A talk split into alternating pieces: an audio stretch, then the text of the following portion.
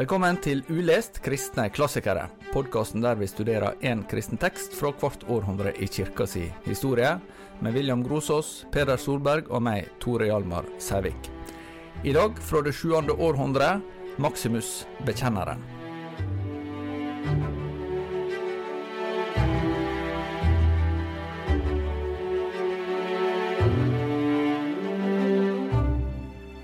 Jeg tenkte jeg skulle starte dagens episode med en bekjennelse, og det er Fint å verken starte dagen og bekjenne litt. eh, Ja, tror og nå eh, dette, eh, dette er mer som en eh, Ikke en bekjennelse eh, i positiv forstand, men i negativ forstand. Dette handler om rett og slett at 600-tallet er det århundret, tror jeg, av alle jeg veit for lite om, som jeg veit minst om i kirkehistoria.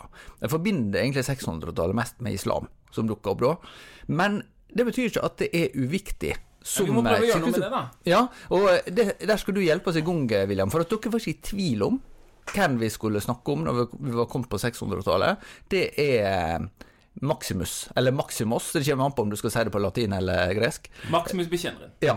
Altså, Noen ganger når jeg kjeda meg på lesesalen på MF, så tok jeg inspirasjon av noen jeg hadde hørt, og så tegna jeg et sånt En elver. En første elver på et ark. ikke sant? Du sitter og kjeder På deg på fotballag. Ja. Fotballag, Og så liksom kan du plassere kirkefedrene på et fotballag.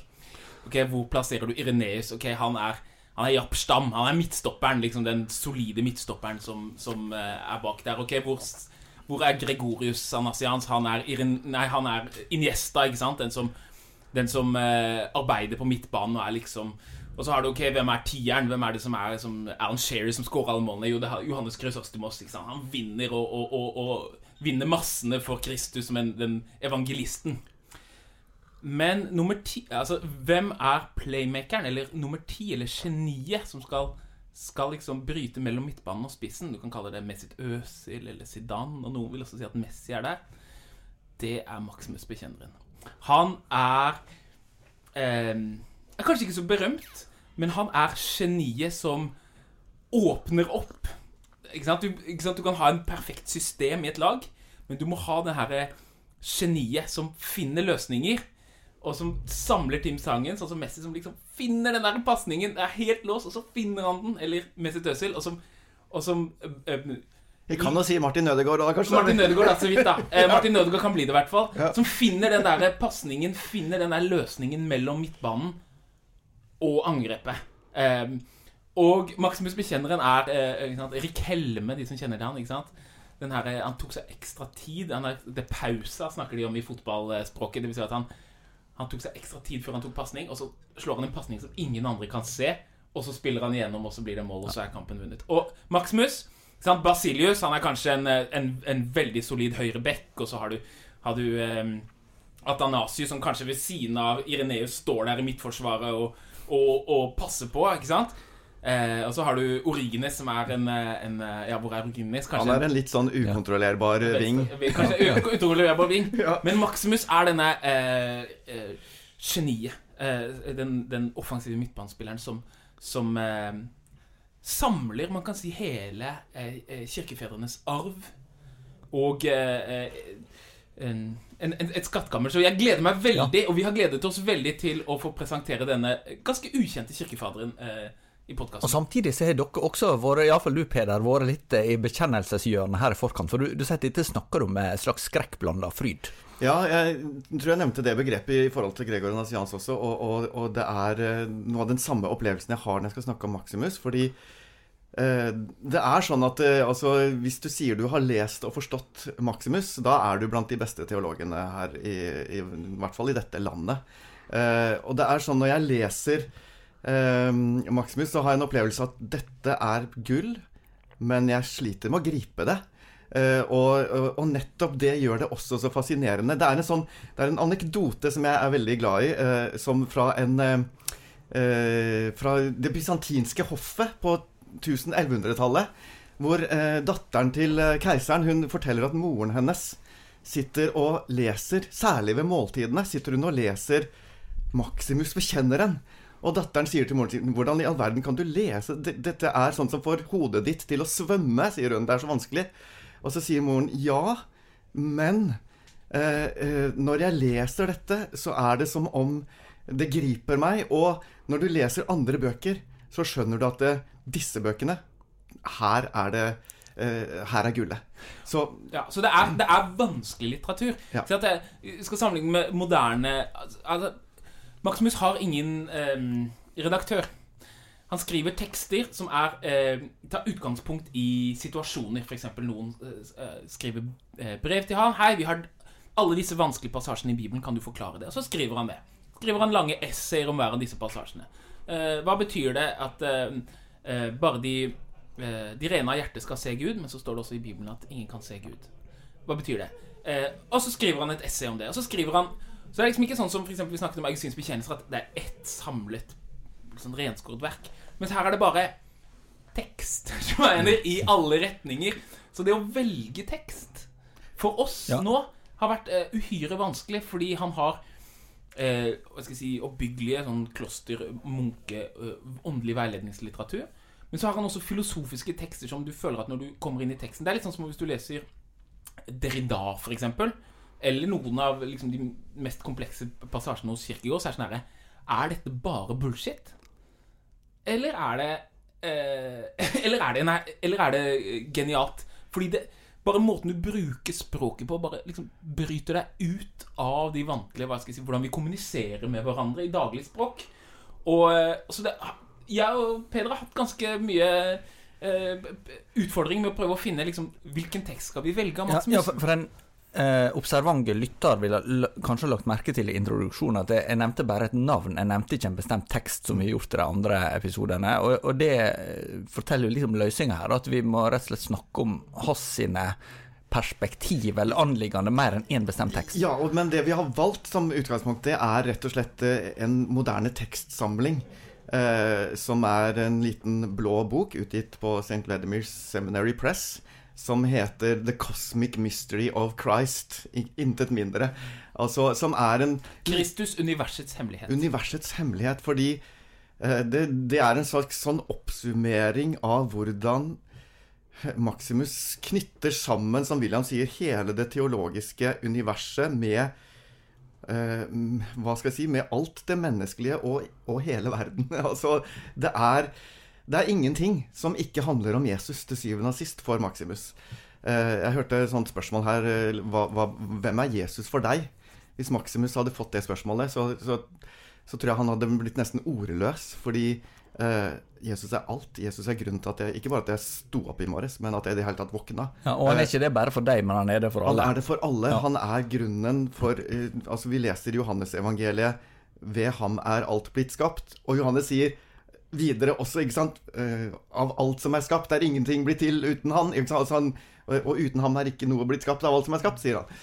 Eh, og det er noe av den formuleringen der i Johannes-evangeliet som brettes ut, så å si, i, hos Maximus, av hvordan Jesus knytter sammen alt i tilværelsen som vi forbinder med det skapte, men også med frelsen. Og det, så, så det er liksom det store Og de, denne utgaven, da, den, den samler opp noen sånne tekster fra Maximus.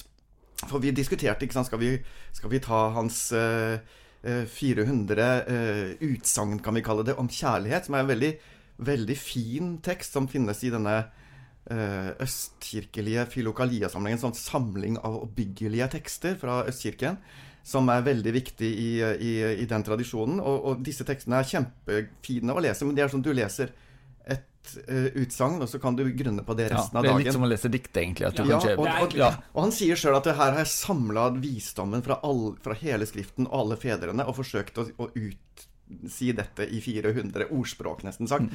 Så det kunne vi valgt, eller vi kunne valgt en kommentar til Fader vår, som også er en fin tekst, eller Men, men, men det er noe med um, at vi velger noe som er tilgjengelig, da. Uh, med et lite sånn representativt, kan man kanskje kalle det, utvalg av det Maximus skriver. Og det er som William sa, han det aller meste han skriver, er leilighetsskrifter. Altså Vi snakker om Paulus sine brev som leilighetstekster. ikke sant?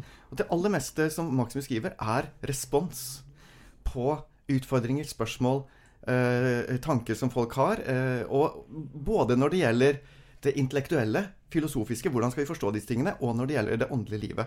Hvordan skal vi leve? Hvordan skal vi i det hele tatt praktisere kristen tro? La oss få en liten CV først, William. Hvem var Maximus?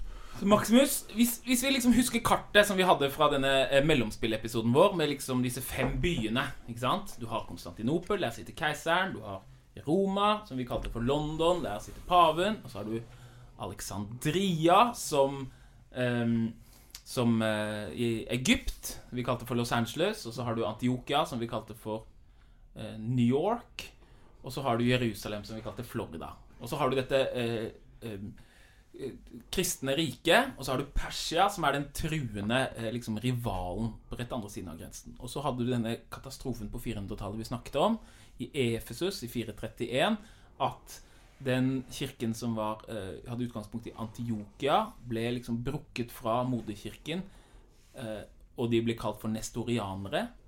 Så har du også kanskje en enda større katastrofe. Det er at kirken i Alexandria, altså i Egypt, det vi kalte for Los Angeles, den brekker av i 451 i Kalkedon fordi eh, eh, de, det vi kaller for monofisitter. Altså de tror bare på at Jesus hadde én natur.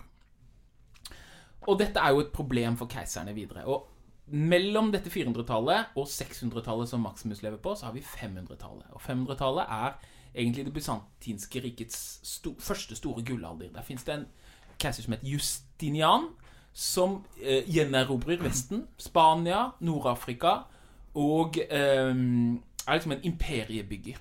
Men det har dette religiøse problemet. Hvordan skal vi samle eh, keiserens kirke med, med, med, særlig de som er i Egypt? Også de som, som, som er eh, det vi kaller nestorianere. Men veldig mange av de er jo, lever jo i det persiske riket. Så vi må aldri glemme at det fins masse kristne utenfor keiserriket. I hvert fall så er Hvordan skal man få disse løsningene til å gå opp? Og eh, fra 1580, det er ca. da hvor 580, 580 ja. der Justian, Justinian dør, så bryter det ut en voldsom krig mellom Persia og eh, og eh, Romerriket, da. Vi kan kalle det det, eller Bysants. Mm.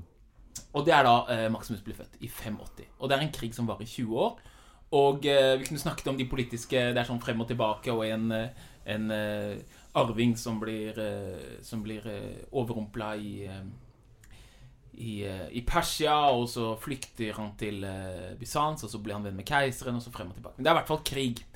Og, um, og det fins en, en, en, en, strategi fra Persia der man prøver å utnytte den religiøse på en måte ustabiliteten i, i eh, det kristne riket eh, for å få sympati og på en måte å vinne eh, denne krigen. da. Mm. Og, og, særlig at man får sympati fra nestorianerne, men også fra de monofisittene i Egypt. Og da får du et eh, rike som Altså, det er, det er, krig to ganger. Først i starten av Maximus' liv, på slutten av 500-tallet. Og så igjen eh, fra sånn 15 Nei, 16, 15, 16, 20, ikke sant? Seks, og da holder perserne Da er perserne de klarer å omringe hele Konstantinopel, og det er liksom veldig nærme og sånne ting. da, At de, at de blir eh, fullstendig eh, ødelagt av perserne. Og, men i denne perioden så blir da det med teologisk enhet i riket Det blir et akutt politisk spørsmål. Og det å ikke ville bekjenne keiserens kirke, det blir å være en, en quisling, en landssviker. Og eh, i det så leter man etter nye løsninger. Ah, hvordan kan vi løse dette problemene som Efesus og Kalkidon lagde? Og da eh, kommer det opp en løsning som sier at ja, ok, Gud hadde kanskje to Jesus hadde, Jesus hadde mm. kanskje to naturer, en guddommelig og en menneskelig. Men kanskje vi kan bli venner med egypterne hvis vi sier at Gud bare har én Jesus. Vilje. Jesus bare har én vilje. Ah, der har vi løst det! Han er to naturer, men én vilje. Da kan vi samle riket. Og eh, Maximus eh, eh, Vi kan fortelle liksom hvordan livene hans var, hvordan han reiste rundt og sånne ting. Men Maximus stiller seg imot dette. Og, eh, og, eh, blir den store bekjemperen av det han mener er en veldig alvorlig vranglære. At Jesus har bare én vilje. Hvorfor er det så problematisk, Per? Du nevnte det at dette her handler Det kan jo høres litt sånn teknisk og, og, og spissfindig ut, men du sier at dette handler jo egentlig om sjelesorg. Det handler om sjelesorg, for det handler jo også om, eh, om vår egen eh, forståelse av både av hvem vi er, og av hvordan vi blir frelst. Um, og jeg, jeg hørte en, en, teolog som sa at eh, hvis Jesus bare hadde uh, guddommelig vilje og ikke noe menneskelig vilje, um, så betyr det at vår vilje Hvis vi snakker om vår helliggjørelse også, da. Vår vilje skal, skal, skal den utslettes, den, da. Altså Han sa at monoteletismen, da, som dette kalles for, det lager Ikke sant? Ikke sant? Eh, eller te, te, telema, som er vilje. Når, når den Hvis vår vilje skal eh, bli frelst, da, altså, Hvis vi skal bli frelst, så må viljen undertrykkes. Ikke sant? Den må bli borte. Så han sa monoteletismen skaper en eh, kristne eller munker, som han snakka om, da, som, som, enten blir deprimerte eller opprørske. Fordi at de vet ikke hvor de skal gjøre av sin egen vilje. Eh, eh, alt det som og, og, og, Maximus han beskriver dette så utrolig psykologisk intrikat. sånn at moderne psykologer også liksom Wow, dette er jo dette er veldig dype innsikter om hvordan viljen hva viljen består av. Alle våre lengsler, alle våre begjær, all vår frykt all, altså, eh, Og så begynner han da å snakke om hva i dette er det Jesus har. Fordi eh, det er veldig sånn på dypt nivå her når det gjelder hvordan skal vi forstå Jesus som menneskelig natur, men uten synd. Fordi det er jo også det som er det store greia her. Det er jo at det er jo først og fremst i vår vilje at synden, han er sagt, eh, setter seg fast. Jeg vil ikke, som Paulus sier. Jeg vil ikke gjøre det. Det jeg vil, det gjør jeg ikke, og det jeg ikke vil, det gjør jeg. Altså det, er, det er noe i vår vilje her eh, som helt fra fortellingen om Adam og Eva er en sånn grunnleggende sak. Sant? Så, eh, så her er vi på veldig dypt vann når det gjelder eh, hvordan skal jeg leve livet med Gud eh, eh, i en uh, åpenhet mot hva som foregår inni meg. På en måte som ikke gjør at jeg bare skyver Nei, dette, dette vil ikke Gud se. Dette vil ikke Gud ha.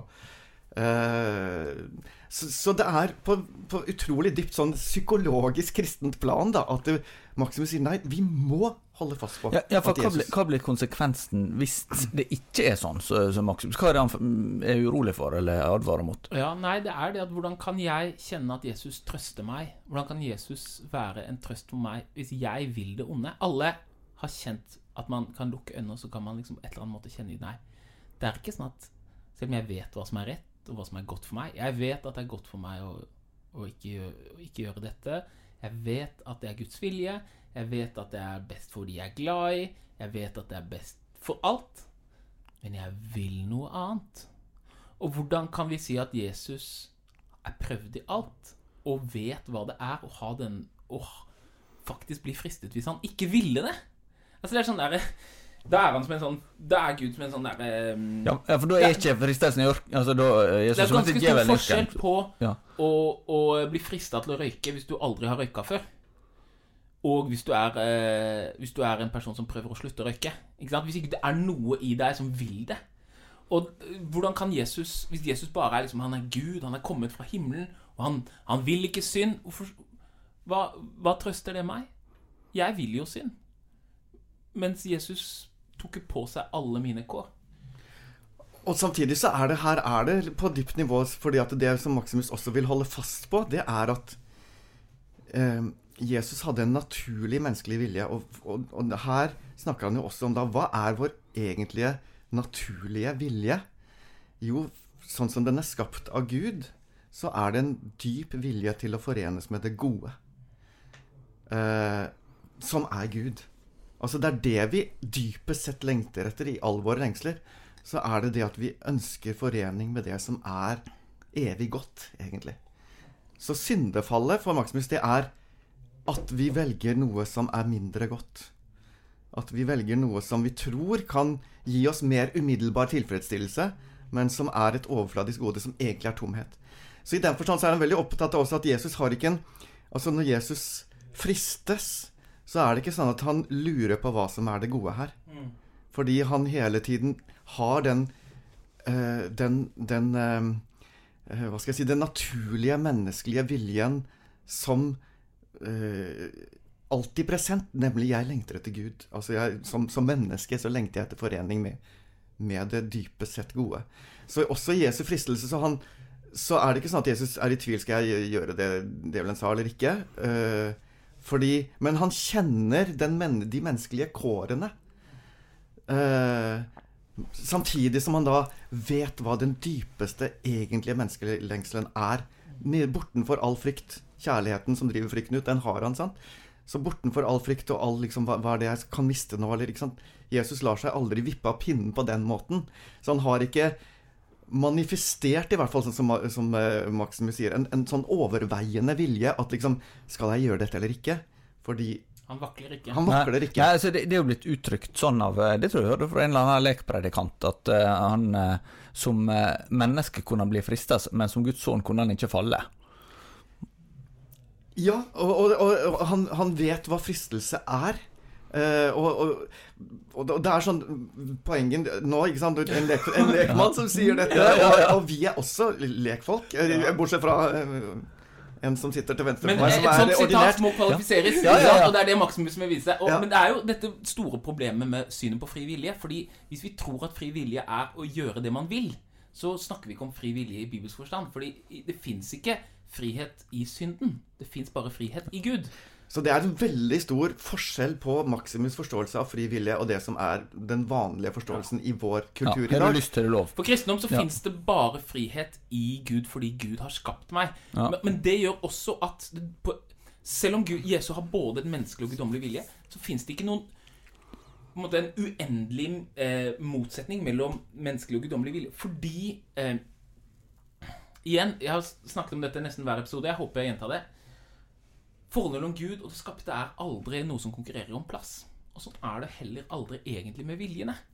Eh, fordi eh, Guds vilje er min egentlige vilje. Eh, likevel så har jeg ehm, så, så derfor så kan jeg på en måte Jeg kan eh, gi min 'jeg vil ikke' til Guds vilje og finne meg selv i det. Fordi når jeg vil det onde, eller når jeg vil noe som ikke er Guds vilje, så er det fordi viljen min er ufri. Det vil Maximus si. ikke sant? Så Den naturlige viljen vår er frihet til å velge det som alltid er det, har det evige gode for øye. Sant? Det er det som er den frie viljen. Men vår vilje er etter syndefallet bundet til det som leder til tomhet, det som leder til destruksjon, det som leder til til, eh, til eh, det destruktive. Og, og, og, så Maximus Hele hans forståelse av helliggjørelsen er frigjøring av viljen. At jeg slutter å være avhengig av det som eh, holder viljen min fast til det som til syvende og sist leder til destruksjon. Mens viljen min mer og mer frigjøres til å være i samsvar med, med min skapte natur, altså det Gud vil, da, som er å forenes med Han. Men la meg tegne litt mer bilde av hva slags type Maximus er. Ja. Han er altså født i 1580. Han vokste- 85. 85. 85, det er Da er. Men eh, 85 eh, Han vokser opp sannsynligvis i en rik familie i Konstantinopel. Han sier selv at han ikke har noe veldig spesiell utdannelse. Eh, og Det betyr vel egentlig at han ikke er retoriker, sånn som Augustin. Og det kan du merke på skriftene hans. Men han må jo ha fått en voldsom skulering i all eh, antikkens filosofi, og eh, han har det helt på fingertuppene. Han er liksom et komplett geni. Litt sånn som Jeg syns Kirkegård ikke er så dårlig eksempel. Kirkegård er også en sånn fyr som liksom eh, selvstendig leser alt av Platon, liksom ikke forholder seg til liksom Litt sånn samme type er han, at han har det helt Men han, han formulerer seg ikke som du skal. Ikke sant? Han formulerer seg som en, en eh, fri fyr. Men han vokser opp i Konstantinopel, og sannsynligvis har han noe eh, Han jobber som 10-15 år der som, som sånn eh, en eller annen eh, byråkrat i, eh, i hoffet, som er vel ganske høyt stilling, egentlig. Og så så sent som 35-åring så går han i kloster. Og det er ganske uvanlig å gå så sent i kloster. Um, Da flytter han først til kloster ut av Konstantinopel på andre siden av Bosporos. Og så er Og det her er jo sånn eh, 5-15, og det er da den an- 6-15, mm. 6-15, og det er da den andre krigen bryter ut. Og så flytter han til et nytt kloster, og, og dette er en periode hvor disse områdene blir totalt øh, øh, ødelagt av perserne, og han, han skriver i brevene sine at han er bekymra for dette. Og, og sånne ting Han sier om seg selv at han ikke er så veldig høy, han er så veldig lav, og at han sover veldig dårlig. Ehm, men han eh, ehm, er åpenbart et, et eh, geni, og på denne tiden så skriver han veldig mange tekster. Det er munker som spør han om ting, og, og, og da skriver han tekster om det indre livet. Om, eh, om å elske Gud, om å gi seg helt til Gud. eh, eh, det er ikke Det er ikke på en måte Det er ikke det er ikke kanelboller for, eh, for tanken. Altså, det, er veldig, det, det, er, det er veldig mye å tygge på, men det er likevel eh, Han er ennå ikke da involvert i disse store kristologiske stridene om viljene. Det kommer senere. Men så i hvert fall blir han en flyktning. Han er egentlig en flyktning. Fordi eh, pga. Persias invasjon på eh, 620-tallet så må veldig mange flykte vestover. Og eh, da reiser han over havet. Ikke sant? Du kan se eh, indre bilder. Mm. Over Middelhavet. Eh, så tar han en liten eh, på Kreta, og så videre, og så vestover. Og hvor kommer han da? Han kommer til Kartago. Og Kartago har vi hørt da, for hvem bodde der? Det var Augustin. Men Kartago har forandret seg ganske mye på eh, de 100 årene siden Augustin levde. 200 årene? 200 årene? 200 årene. og eh, for eksempel så er han Han snakker jo gresk der. Augustin var jo en, en, en eh, latinsk by. Men så, så bor han der. Og det er i den perioden han bor i Nord-Afrika, kommer han i kontakt med biskopen Sofronius av Jerusalem, som er den som egentlig først har gjort folk oppmerksom på at denne den her viljeløsningen som keiseren nå vil ha, den er katastrofal for sjelesorgen. Så og så kommer han i kontakt med Sofronius. Allerede da så er han jo et, en, en, en teologisk gigant. Men så oppholder han seg der ganske lenge i 15 år, tror jeg. i 15 år. og Det er på en måte i ytterkanten av der det skjer. Altså vi er i, i eh, Nå er vi vest, ikke sant? Eh, og uh, egentlig hans største teologiske motstander lenge var en som het Pyrrhus, som var uh, biskop i Konstantinopel. Men så blir litt politiske grunner så blir Pyrrhus Han allierer seg med keiserens datter, og så da prøver datteren å gifte seg med noen og liksom få en, å ta ny keisertrone, og så blir det frem og tilbake. Så Pyrrhus må flykte. Og det som da skjer, er at uh, Pyrrhus flykter hvor da? Til Kartago. Og da blir det en, en veldig spennende, svær teologisk debatt mellom Pyrrhus og og eh, Maximus, som holdes eh, over eh, lang tid. Eh, frem og tilbake teologisk debatt i eh, Kartago. Og eh, han kommer i kontakt med paven, som sitter i Roma, pave Martin. Og reiser til Roma, og paven og Maximus blir enige om at dette tror vi på, dette er vi villige til å dø for. Og ja, Derfor er han på en måte en økumenisk karakter i den betydelsen at vi, vi ofte liksom snakker om den veldig tydelige utviklingen i, i vest, der de snakker latin, og i øst, der de snakker gresk.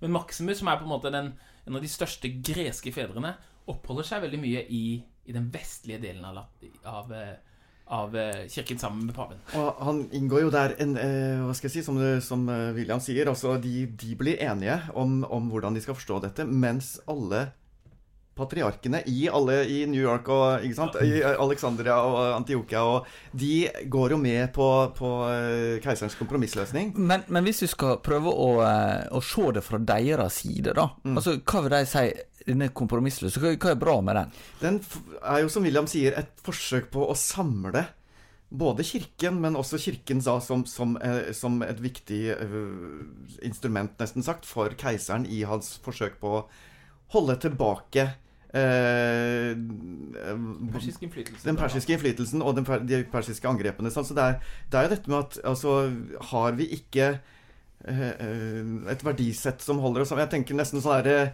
eh, analogi til, eh, uten å trekke det for langt, men til Kjell Magne, Bondeviks eh, verdikommisjon. ikke sant? Altså, altså ok, vi, vi, må, vi må samle sammen her som en sånn som en kulturell felles kapital som vi har, som, som på en måte bygger oss sammen. ikke sant? Altså, det, er jo, det er jo alltid Myndighetenes prosjekt er jo dette å, å, å, å binde oss sammen som samfunn. Eh, og, og man leter jo gjerne da etter kompromisser? For, for å styrke både det interne samholdet, og for å styrke det mot eventuelt både kulturelt og militært angrep utenfra. Det er jo litt det samme som, som man ser i, i, i store konflikter i dag. Sant? Altså Man får en sånn Men, men, men teologisk, da? Hva, er det de argumenterer med? At dette her stemmer med, med åpenbaringa? Altså. Du har et veldig sterk spenning egentlig i Bibelen allerede mellom Johannesevangeliets eh, beskrivelse av Getsemane og eh, synoptikernes beskrivelse av Getsemane. Den spenningen finnes der. Det er ikke noe eh, å si på. Eh, I Johannesevangeliet så sier Johannes Skal jeg nå Jesus ifølge Johannes. Jesus, Ja. ifølge Johannes Skal jeg eh, nå på en måte Hva er det han sier? Jeg har ikke ordrett, men skal jeg nå Nei, jeg skal ikke det. Det, det er liksom ikke noe tvil. Johannes han bare liksom stiller et retorisk spørsmål. Skal jeg nå vende meg bort og ikke gjøre det? Nei, jeg skal ikke det. Og da føler vi sånn «Ah, Er det noe som ligger under her? Liksom at Johannes er liksom flau over dette? Eller fordi i Matteus evangeliet og Lukas evangeliet er det jo han, han svetter jo som blod, og han sier 'din vilje', eh, eh, men jeg vil ikke. Det er denne skillet som fins i Getsemane. Og det spennet det er veldig komplekst. Og det er jo et spenn som ikke sant, I Johannes evangeliet så får vi følelsen av at Jesus vet alt på forhånd. Jesus har full kontroll. Er det sånn at Hvordan kan vi snakke med Johannes evangeliet på en måte som får det frem at Jesus deler våre kår helt og fullt? Og hvis du bare har Johannes evangeliet, hvis du ikke hadde hatt synoptikerne, så er det jo en, en Man kan forstå hvorfor man ønsker å si at Jesus eh, eh, Ja, han er Gud og menneske, eh, og han er menneske, men han gjør bare Guds vilje. For det er jo sant. Han gjør bare Guds vilje. Ja, og, og samtidig så er det Altså, jeg må nesten korrigere deg litt teologisk der, William. Fordi, Ja, for fordi, fordi Jesus sier ikke 'jeg vil ikke'. Altså, han sier jo Altså, 'din vilje skjer, ikke min'. Sant?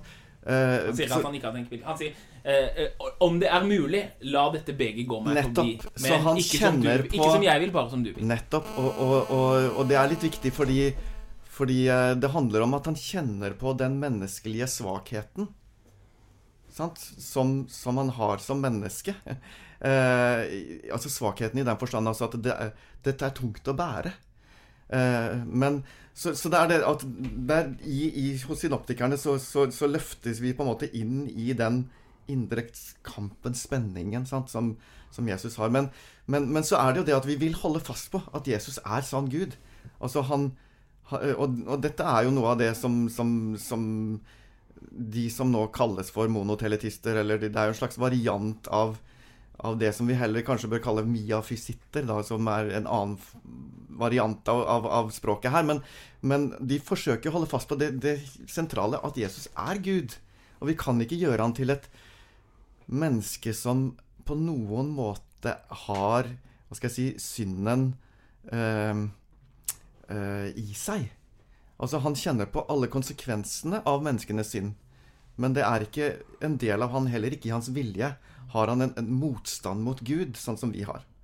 Så, så det er dette at han øh, Han kjenner på det som vi kjenner på når vi kjenner en motstand, men han klarer å kjenne på det uten å ha motstand mot Gud.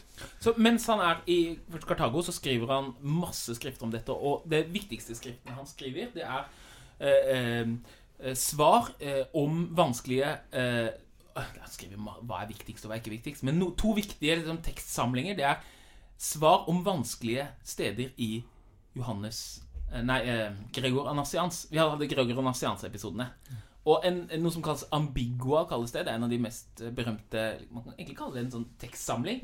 Da er det munker som har stilt eh, han vanskelige spørsmål. Du, i Gregor Nassian sa dette, og det syns vi er vanskelig å forstå. Og så lager han et essay. Ja, dette, sånn her skal det forstås. Så de to første tekstene som i denne tekstsamlingen som vi har snakka om, de, de er De fra er sånne. Ja. Gregor Nassian sier at vi, vi som en del av Gud falt ned. Hva mener han med det? Og så, og så utvikler han det. Men det andre det er Letters to uh, Talassios, som vi også har i denne tekstsamlingen, som er egentlig det, eh, vanskelige bibelforklaringen liksom, som han legger ut sin, sin store teologi. Men hvert fall det som skjer, er jo at eh, keiseren han skjønner at vi kan ikke ha en sånn pave som ikke vil keiserens vilje.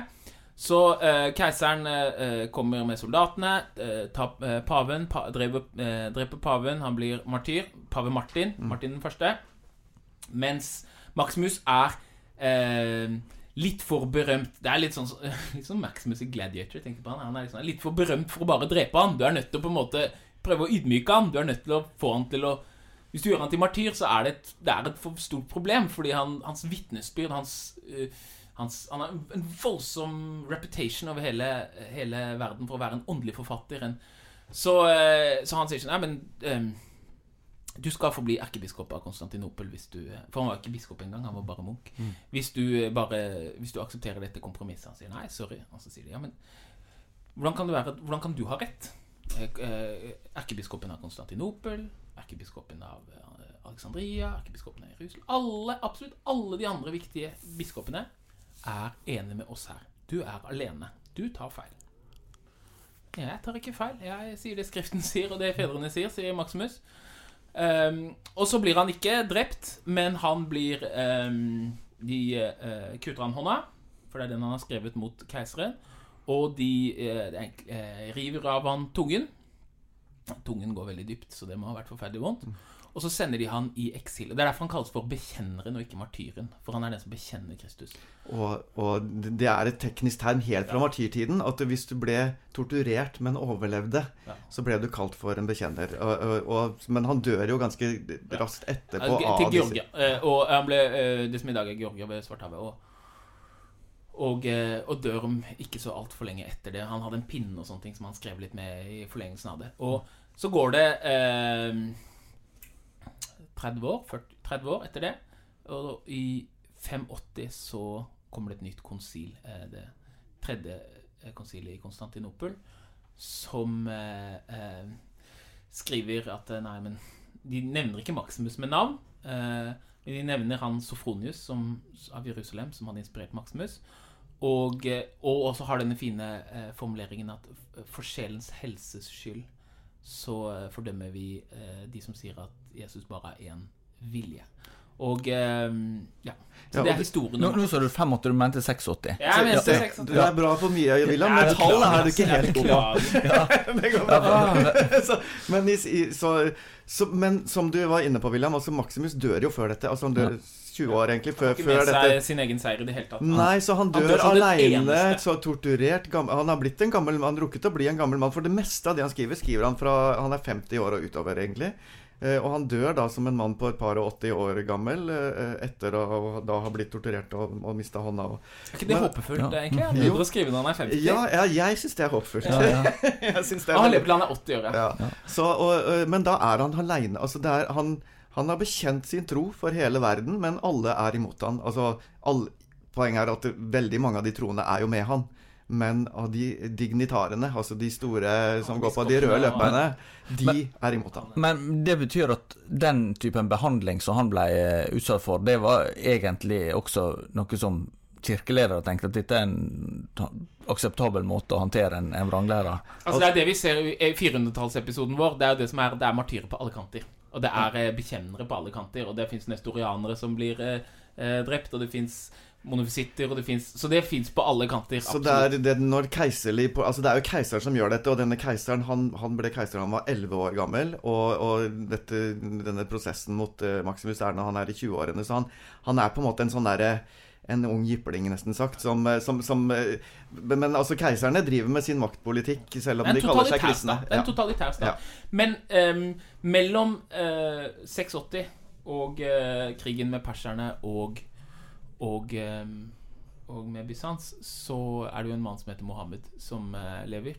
Og så samles det en arabisk hær, som man vet ikke helt eh, hvordan den ble samlet, og hvordan den kom fra. Og jo, Noe av dette er jo historisk mørke, men den, disse to gedigne krigene, først fra slutten av 500-tallet og så på første halvdel av eh, 600-tallet mellom Persia og Bysants, de sliter ut begge parter. Og det gjør at begge parter eh, Når Bysants da klarer å ta tilbake veldig mye av det som Persia har eh, eh, beseiret, så, så sikrer de dem med veldig De har dårlig mannskap, dårlig Det er liksom Overalt så bare er det så vidt. Det er som når du spiller Risk, ikke sant? og så klarer du å, å vinne hele Russland, og så bare har du én mann på hver.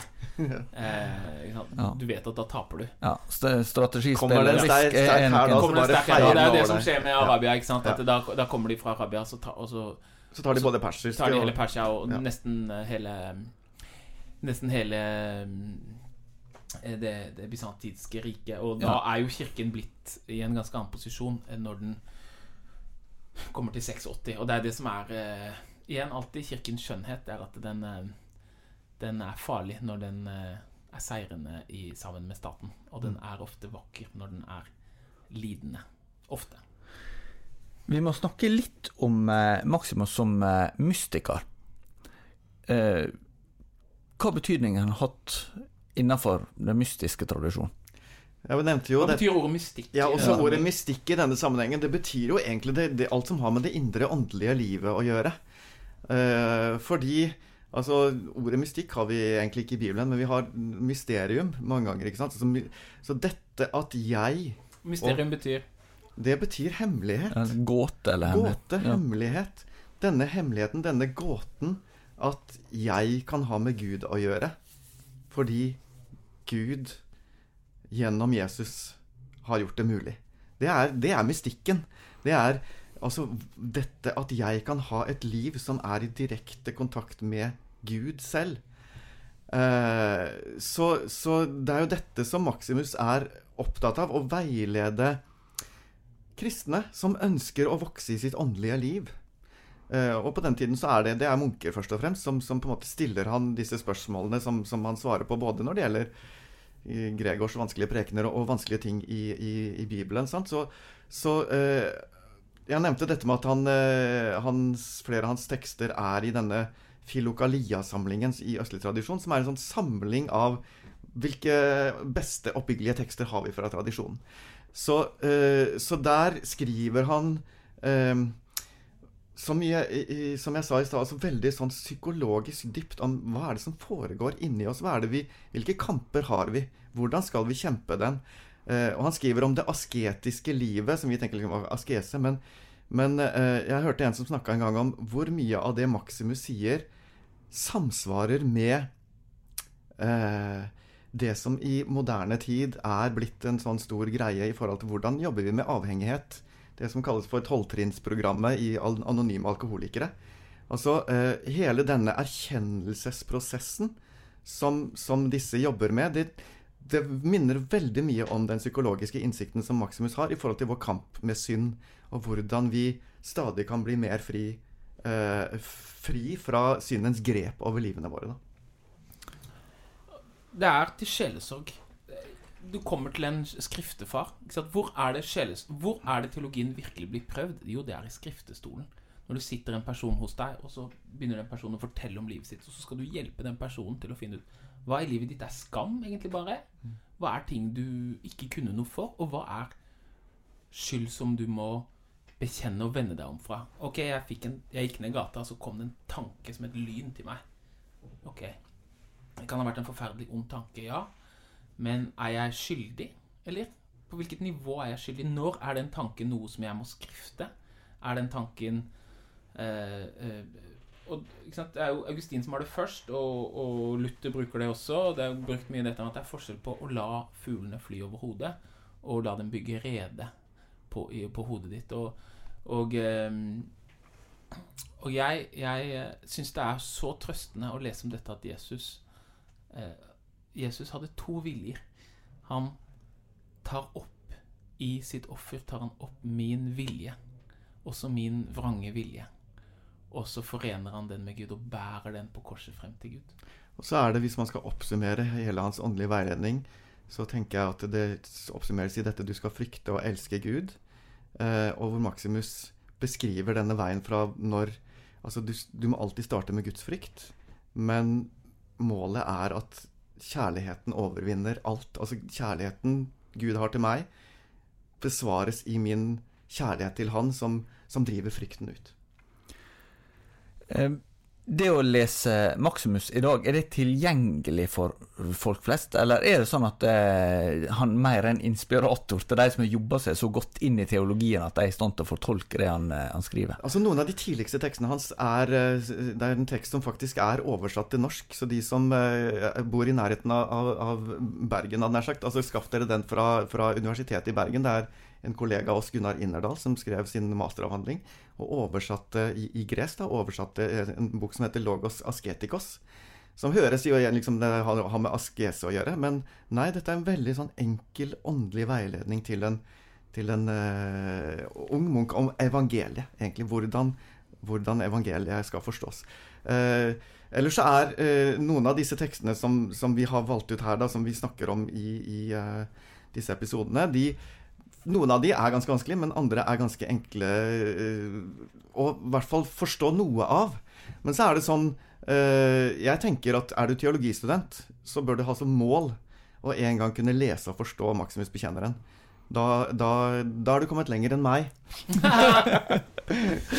det får være ei fin utfordring til slutt. Du har hørt en episode av Ulest kristne klassikere. Det er en teologipodkast fra NLA Høgskolen og avisa Dagen. Har du tilbakemelding eller spørsmål til oss, så vil vi gjerne høre fra deg. Da kan du sende en e-post til tore krøllalfa Takk for i dag.